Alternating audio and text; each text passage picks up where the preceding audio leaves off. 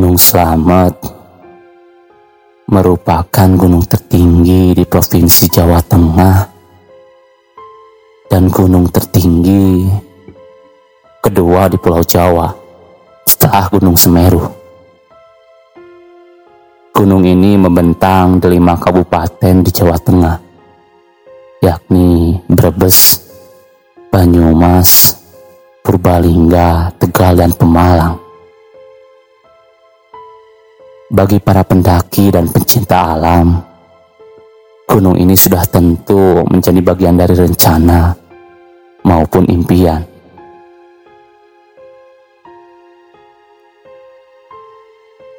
Pulau Jawa banyak sekali memiliki pancang bumi, alias gunung yang tersebar di permukaannya. Tidak heran kalau gunung-gunung di Jawa selalu menjadi tujuan pendakian. Banyak alasan untuk menjadikan gunung-gunung tersebut sebagai destinasi pendakian, meskipun untuk menuju ke sana harus rela menempuh jarak ratusan kilometer. Dan waktu yang tidak sebentar dari daerah asal mulai dari view yang disajikan, jalur pendakian yang menguji kemampuan pendakian, hingga bisa melakukan pendakian beberapa gunung sekaligus dalam satu rangkaian waktu. Karena memang banyak gunung di Jawa yang bersebelahan. Misalnya Gunung Gede Pangrango, Sindoro Sumbing, Merbabu Merapi, sampai yang di bagian timur Jawa ada Arjuna Welirang. Pengalaman sih, beberapa kali ketemu pendaki di jalur pendakian dan ternyata dia barusan juga mendaki gunung di sebelahnya. Alasannya tak lain karena mumpung sudah jauh-jauh ke situ, jadinya sekalian saja mendaki gunung yang bersebelahan. Namaku Hari. Aku adalah seorang mahasiswa sekaligus tergabung di dalam komunitas pecinta alam Sudah sangat sering aku mendaki bersama teman-teman lainnya ke berbagai gunung-gunung di Pulau Jawa. Terlebih gunung-gunung yang ketinggiannya sekitar 3000-an mdpl. Sudah hampir semua gunung di Jawa Tengah aku daki. Namun, hanya Gunung Selamat ini yang memang belum pernah aku daki. Namun memang pantas menjadikan Gunung Selamat menjadi gunung terakhir yang aku daki di Jawa Tengah ini. Mengingat gunung ini benar-benar sangat tinggi yang ketinggiannya mencapai 3428 mdpl. Singkat cerita, saat itu sudah tiba libur semester di kampusku. Dan kami memiliki libur cukup lama, sekitar tiga bulanan. Maka aku bersama ketiga temanku, sebut saja Johan, Chandra, dan Bagas, merencanakan pendakian ini. Awalnya banyak sekali yang ingin ikut mendaki. Namun kebanyakan ada yang pulang kampung sehingga tidak bisa mengikuti rencana pendakian ini. Ada beberapa jalur pendakian resmi Gunung Selamet yang bisa kita pilih untuk menuju ke puncaknya.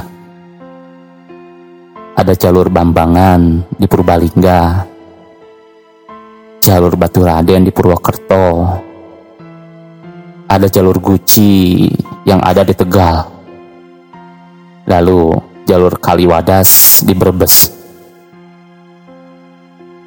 dan juga jalur di Pajaya yang masuk Kabupaten Pemalang. Setiap jalur punya karakteristiknya masing-masing. Akhirnya, kami pun memilih jalur Bambangan yang berada di Purbalingga. Jika ditanya alasan memilih jalur ini, karena jalur ini memiliki jalur yang lebih pendek menuju puncak dibandingkan jalur-jalur lainnya. Namun tidak dipungkiri, kalau jalur ini memang memiliki banyak mitos horor di kalangan pendaki-pendaki. Dan ternyata memang jalur ini pula lah yang membuat aku dan Chandra tersesat selama tiga hari di Gunung Selamat.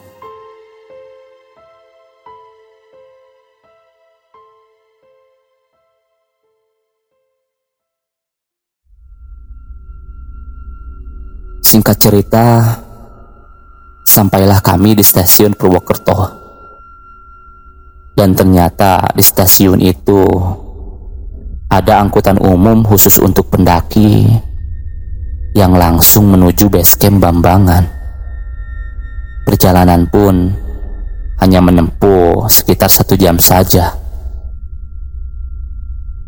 Di base camp Bambangan, kami pun melakukan registrasi dan melanjutkan perjalanan untuk menuju pos 1. Kami berangkat dari base camp sekitar pukul 1 siang.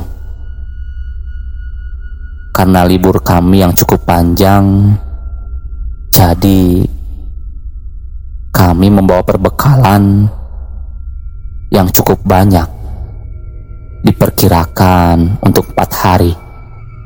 Jadi kami bisa menikmati perjalanan tanpa harus diburu-buru.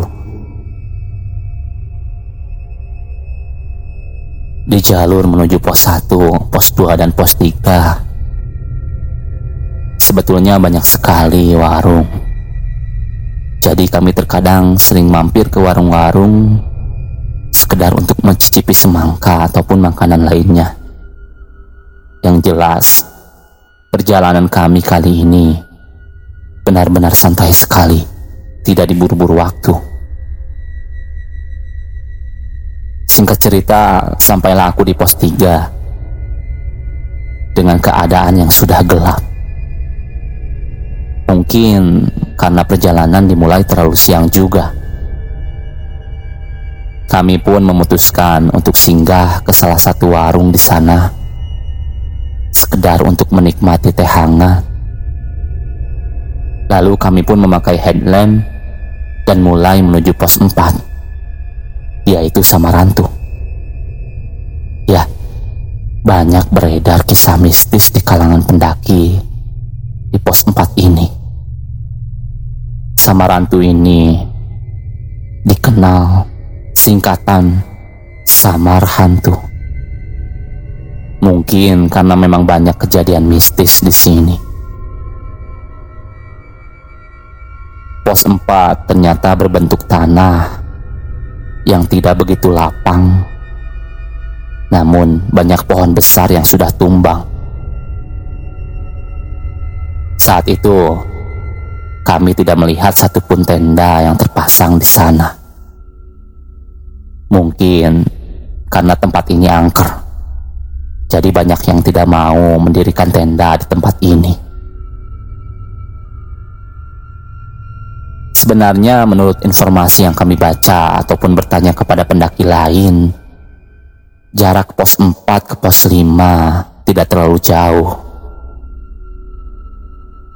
Namun karena saat itu kami merasa benar-benar kelelahan, akhirnya kami pun beristirahat sejenak dan mengeluarkan kopi kemasan kaleng yang kami bawa dari rumah. Dan sejenak menikmati suasana malam menuju puncak selamat.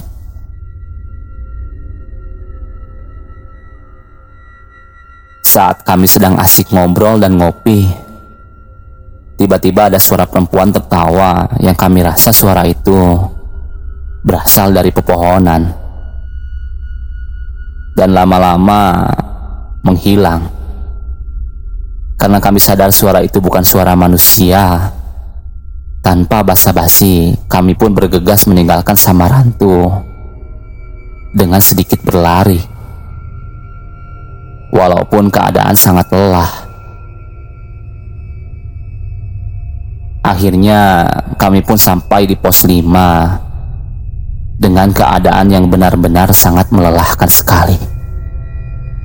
Kami pun memutuskan untuk berkemah di pos 5. Sebenarnya saat itu keadaan pos 5 sangat ramai sekali. Banyak tenda-tenda berdiri di sana. Awalnya kami pun kebingungan mencari lahan untuk mendirikan tenda. Syukurnya ada lahan yang cukup untuk memasang satu tenda walaupun agak kurang nyaman tekstur tanahnya.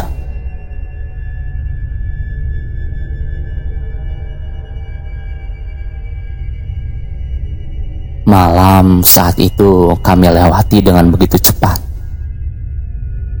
Rasanya baru saja merebahkan badan di dalam hangatnya sleeping bag. Tahu-tahu alarm berdering tanda kami harus bangun dan memulai summit attack dengan jarak yang masih lumayan jauh. Kami tak terlalu banyak berharap mendapatkan sunrise di puncak mengingat masih ada pos 6 sampai pos 9 yang harus kami lewati. Meski jarak antara posnya sudah tidak begitu jauh seperti pos-pos sebelumnya. Kami memulai perjalanan meninggalkan pos 6 sekitar pukul setengah lima pagi. Setelah sebelumnya mengisi perut dengan yang hangat-hangat dan sekalian sholat subuh. Seperti jarak pos 5 menuju pos 6 yang tidak terlalu jauh. Begitu pula pos 6 menuju pos 7.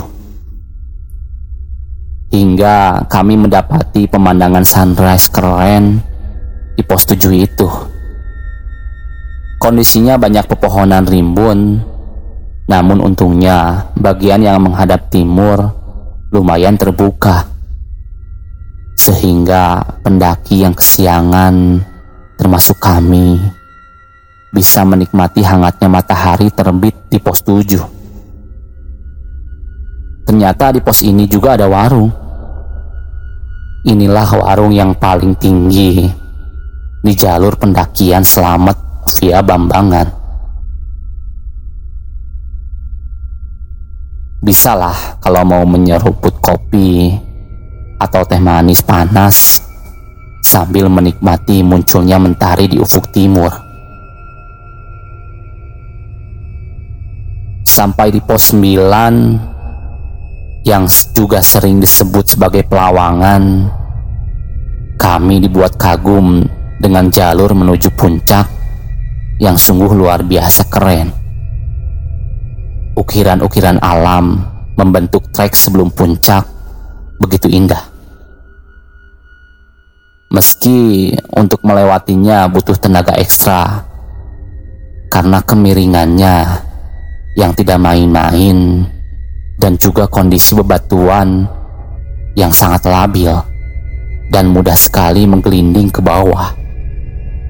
Dengan kondisi jalur pendakian yang demikian, sangat perlu kehati-hatian untuk melewatinya agar tidak terperosok dan juga agar bebatuan tidak mengenai pendaki yang berjalan di bawah kita. Jalur pendakian hanya sedikit pasir. Tidak seperti Mahameru maupun Merapi yang banyak pasirnya. Jalur menuju puncak selamat didominasi tanah keras dengan bebatuan cadas yang tidak benar-benar tertancap di tanah. Setelah terengah-engah, dihajar trek menuju puncak selamat yang luar biasa itu, Akhirnya kami bisa sampai juga di puncak. Kami pun asik berfoto mengabadikan momen mendaki Gunung Selamat ini. Singkat cerita, kami pun akhirnya bermalam lagi sehari di pos 5 karena benar-benar ingin sekali menikmati perjalanan di Gunung Selamat ini. Keesokan harinya, kami pun menuruni Gunung Slamet dengan perasaan yang bangga. Maaf untuk para pendaki, terkadang suka ada rasa bangga dan sedikit merasa hebat setelah mendaki sebuah gunung. Dan kali ini yang kurasakan juga begitu. Merasa bangga sudah mendaki ke gunung-gunung tertinggi di Jawa Tengah. Apalagi Gunung Slamet ini gunung tertinggi kedua di Pulau Jawa. Dan mungkin hal itu juga yang akhirnya membuat aku dan Chandra tersesat. Saat itu di pos 4 Samarantu, kami seperti biasa beristirahat dan memasak air panas untuk menyeduh kopi. Karena saat itu masih siang, kami merasa berani beristirahat di tempat itu. Namun tiba-tiba aku merasa ingin buang air kecil dan meminta Chandra untuk menemaniku mencari semak-semak yang cocok untuk dipakai buang air kecil. Saat itu memang benar-benar sekitaran Samarantu memang banyak pohon yang tumbang. Aku pun mencari salah satu pohon yang cocok untuk buang air kecil. Setelah buang air kecil, aku dan Chandra pun bergegas untuk kembali ke Bagas dan Johan yang sedang memasak air panas. Namun entah kenapa saat itu setiap aku dan Chandra mencari jalan menuju Johan dan Bagas, aku selalu kembali ke pohon besar yang tumbang yang aku jadikan tempat buang air kecil. Aku dan Chandra saat itu benar-benar sangat kebingungan. Sudah berkali-kali mencari jalan, tapi yang ditemukan pohon tumbang tersebut. Jujur saja, saat itu aku merasa ada yang tidak beres. Sampai waktu sudah gelap pun, kami masih saja tidak menemukan jalan pulang. Saat itu rasanya benar-benar takut dan ingin sekali menangis. Namun malu juga. Akhirnya aku dan Chandra memutuskan mencari pohon yang cocok untuk menjadikan tempat berlindung. Aku menemukan pohon yang benar-benar cocok untuk dipakai istirahat. Untungnya saat itu tas Chandra di bawah dan masih ada persediaan air minum dan beberapa potong roti sobek. Dan malamnya, aku dan Chandra selalu mendengar suara wanita yang tertawa-tawa. Sama seperti dua hari yang lalu saat kami melewati Samarantu. Dan terkadang mendengar seperti ada keramaian orang, namun wujudnya tidak ada. Entah itu yang disebut pasar setan atau bukan namun wujudnya tidak terlihat. Aku dan Chandra pun memutuskan untuk tidak tidur berjauhan karena ketakutan juga bila harus terpisahkan. Sungguh saat itu sangat menyeramkan. Malam harinya saat aku tidur, tiba-tiba aku bermimpi didatangi seorang lelaki dengan tubuh yang tegap dan kepalanya penuh dengan ular. Di dalam mimpi itu, lelaki itu berkata dengan bahasa Jawa yang artinya, "Kamu sudah mengencingi rumahku." Itu saja yang diucapkannya. Sontak aku pun terbangun dan menceritakan mimpiku itu kepada Chandra. Akhirnya Chandra memiliki ide untuk membasuh pohon tumbang yang aku kencingi itu dengan air yang masih tersisa. Malam itu juga kami kembali ke pohon itu dan membasuhnya dengan air yang tersisa. Syukurnya keesokan harinya saat kami mencoba mencari jalan pulang Akhirnya kami menemukan tempat Johan dan Bagas memasak air Namun saat itu sudah tidak ada siapa-siapa. Karena aku dan Chandra menyadari mereka mungkin sudah turun gunung duluan. Akhirnya aku dan Chandra memutuskan untuk turun juga. Di pos 3 kami menemukan banyak orang yang mungkin hendak mendaki dan mencoba mampir ke salah satu warung di sana karena rasanya benar-benar sangat lapar. Jujur saat itu aku dan Chandra tidak memegang uang sama sekali. Karena persediaan uang disimpan di tasnya Bagas.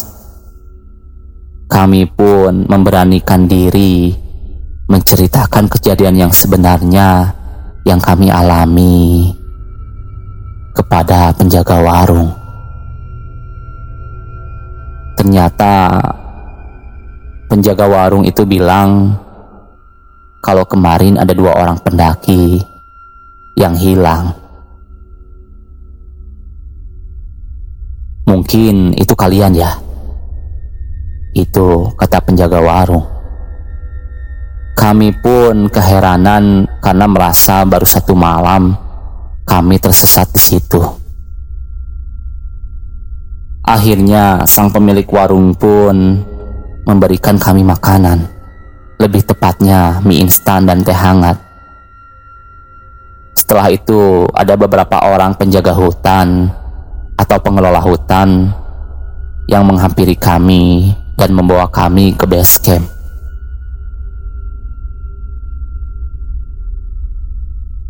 Singkat cerita, kami sampai di base camp dan bertemu dengan Johan dan Bagas Aku dan Chandra pun dibawa ke pos base camp dan kami diwawancarai oleh beberapa petugas di sana. Kami pun menceritakan kejadian yang sebenarnya. Dan kagetnya, saat itu ternyata aku dan Chandra sudah menghilang selama tiga hari. Aku dan Chandra pun keheranan karena merasa baru satu malam tersesat. Syukurnya dengan izin Tuhan Yang Maha Esa, kami pun selamat dan bisa kembali pulang. Mungkin pesan dari saya untuk para pecinta alam ataupun pendaki, jangan pernah sedikit pun merasa hebat dan sombong sudah bisa menaklukkan puncak gunung di mana pun itu berada. Dan satu lagi, menjaga kebersihan serta permisi bila ingin buang air sangat penting untuk menghargai keberadaan makhluk halus di sekitar kita. Semoga dengan cerita ini para pendaki bisa lebih sopan dan berhati-hati.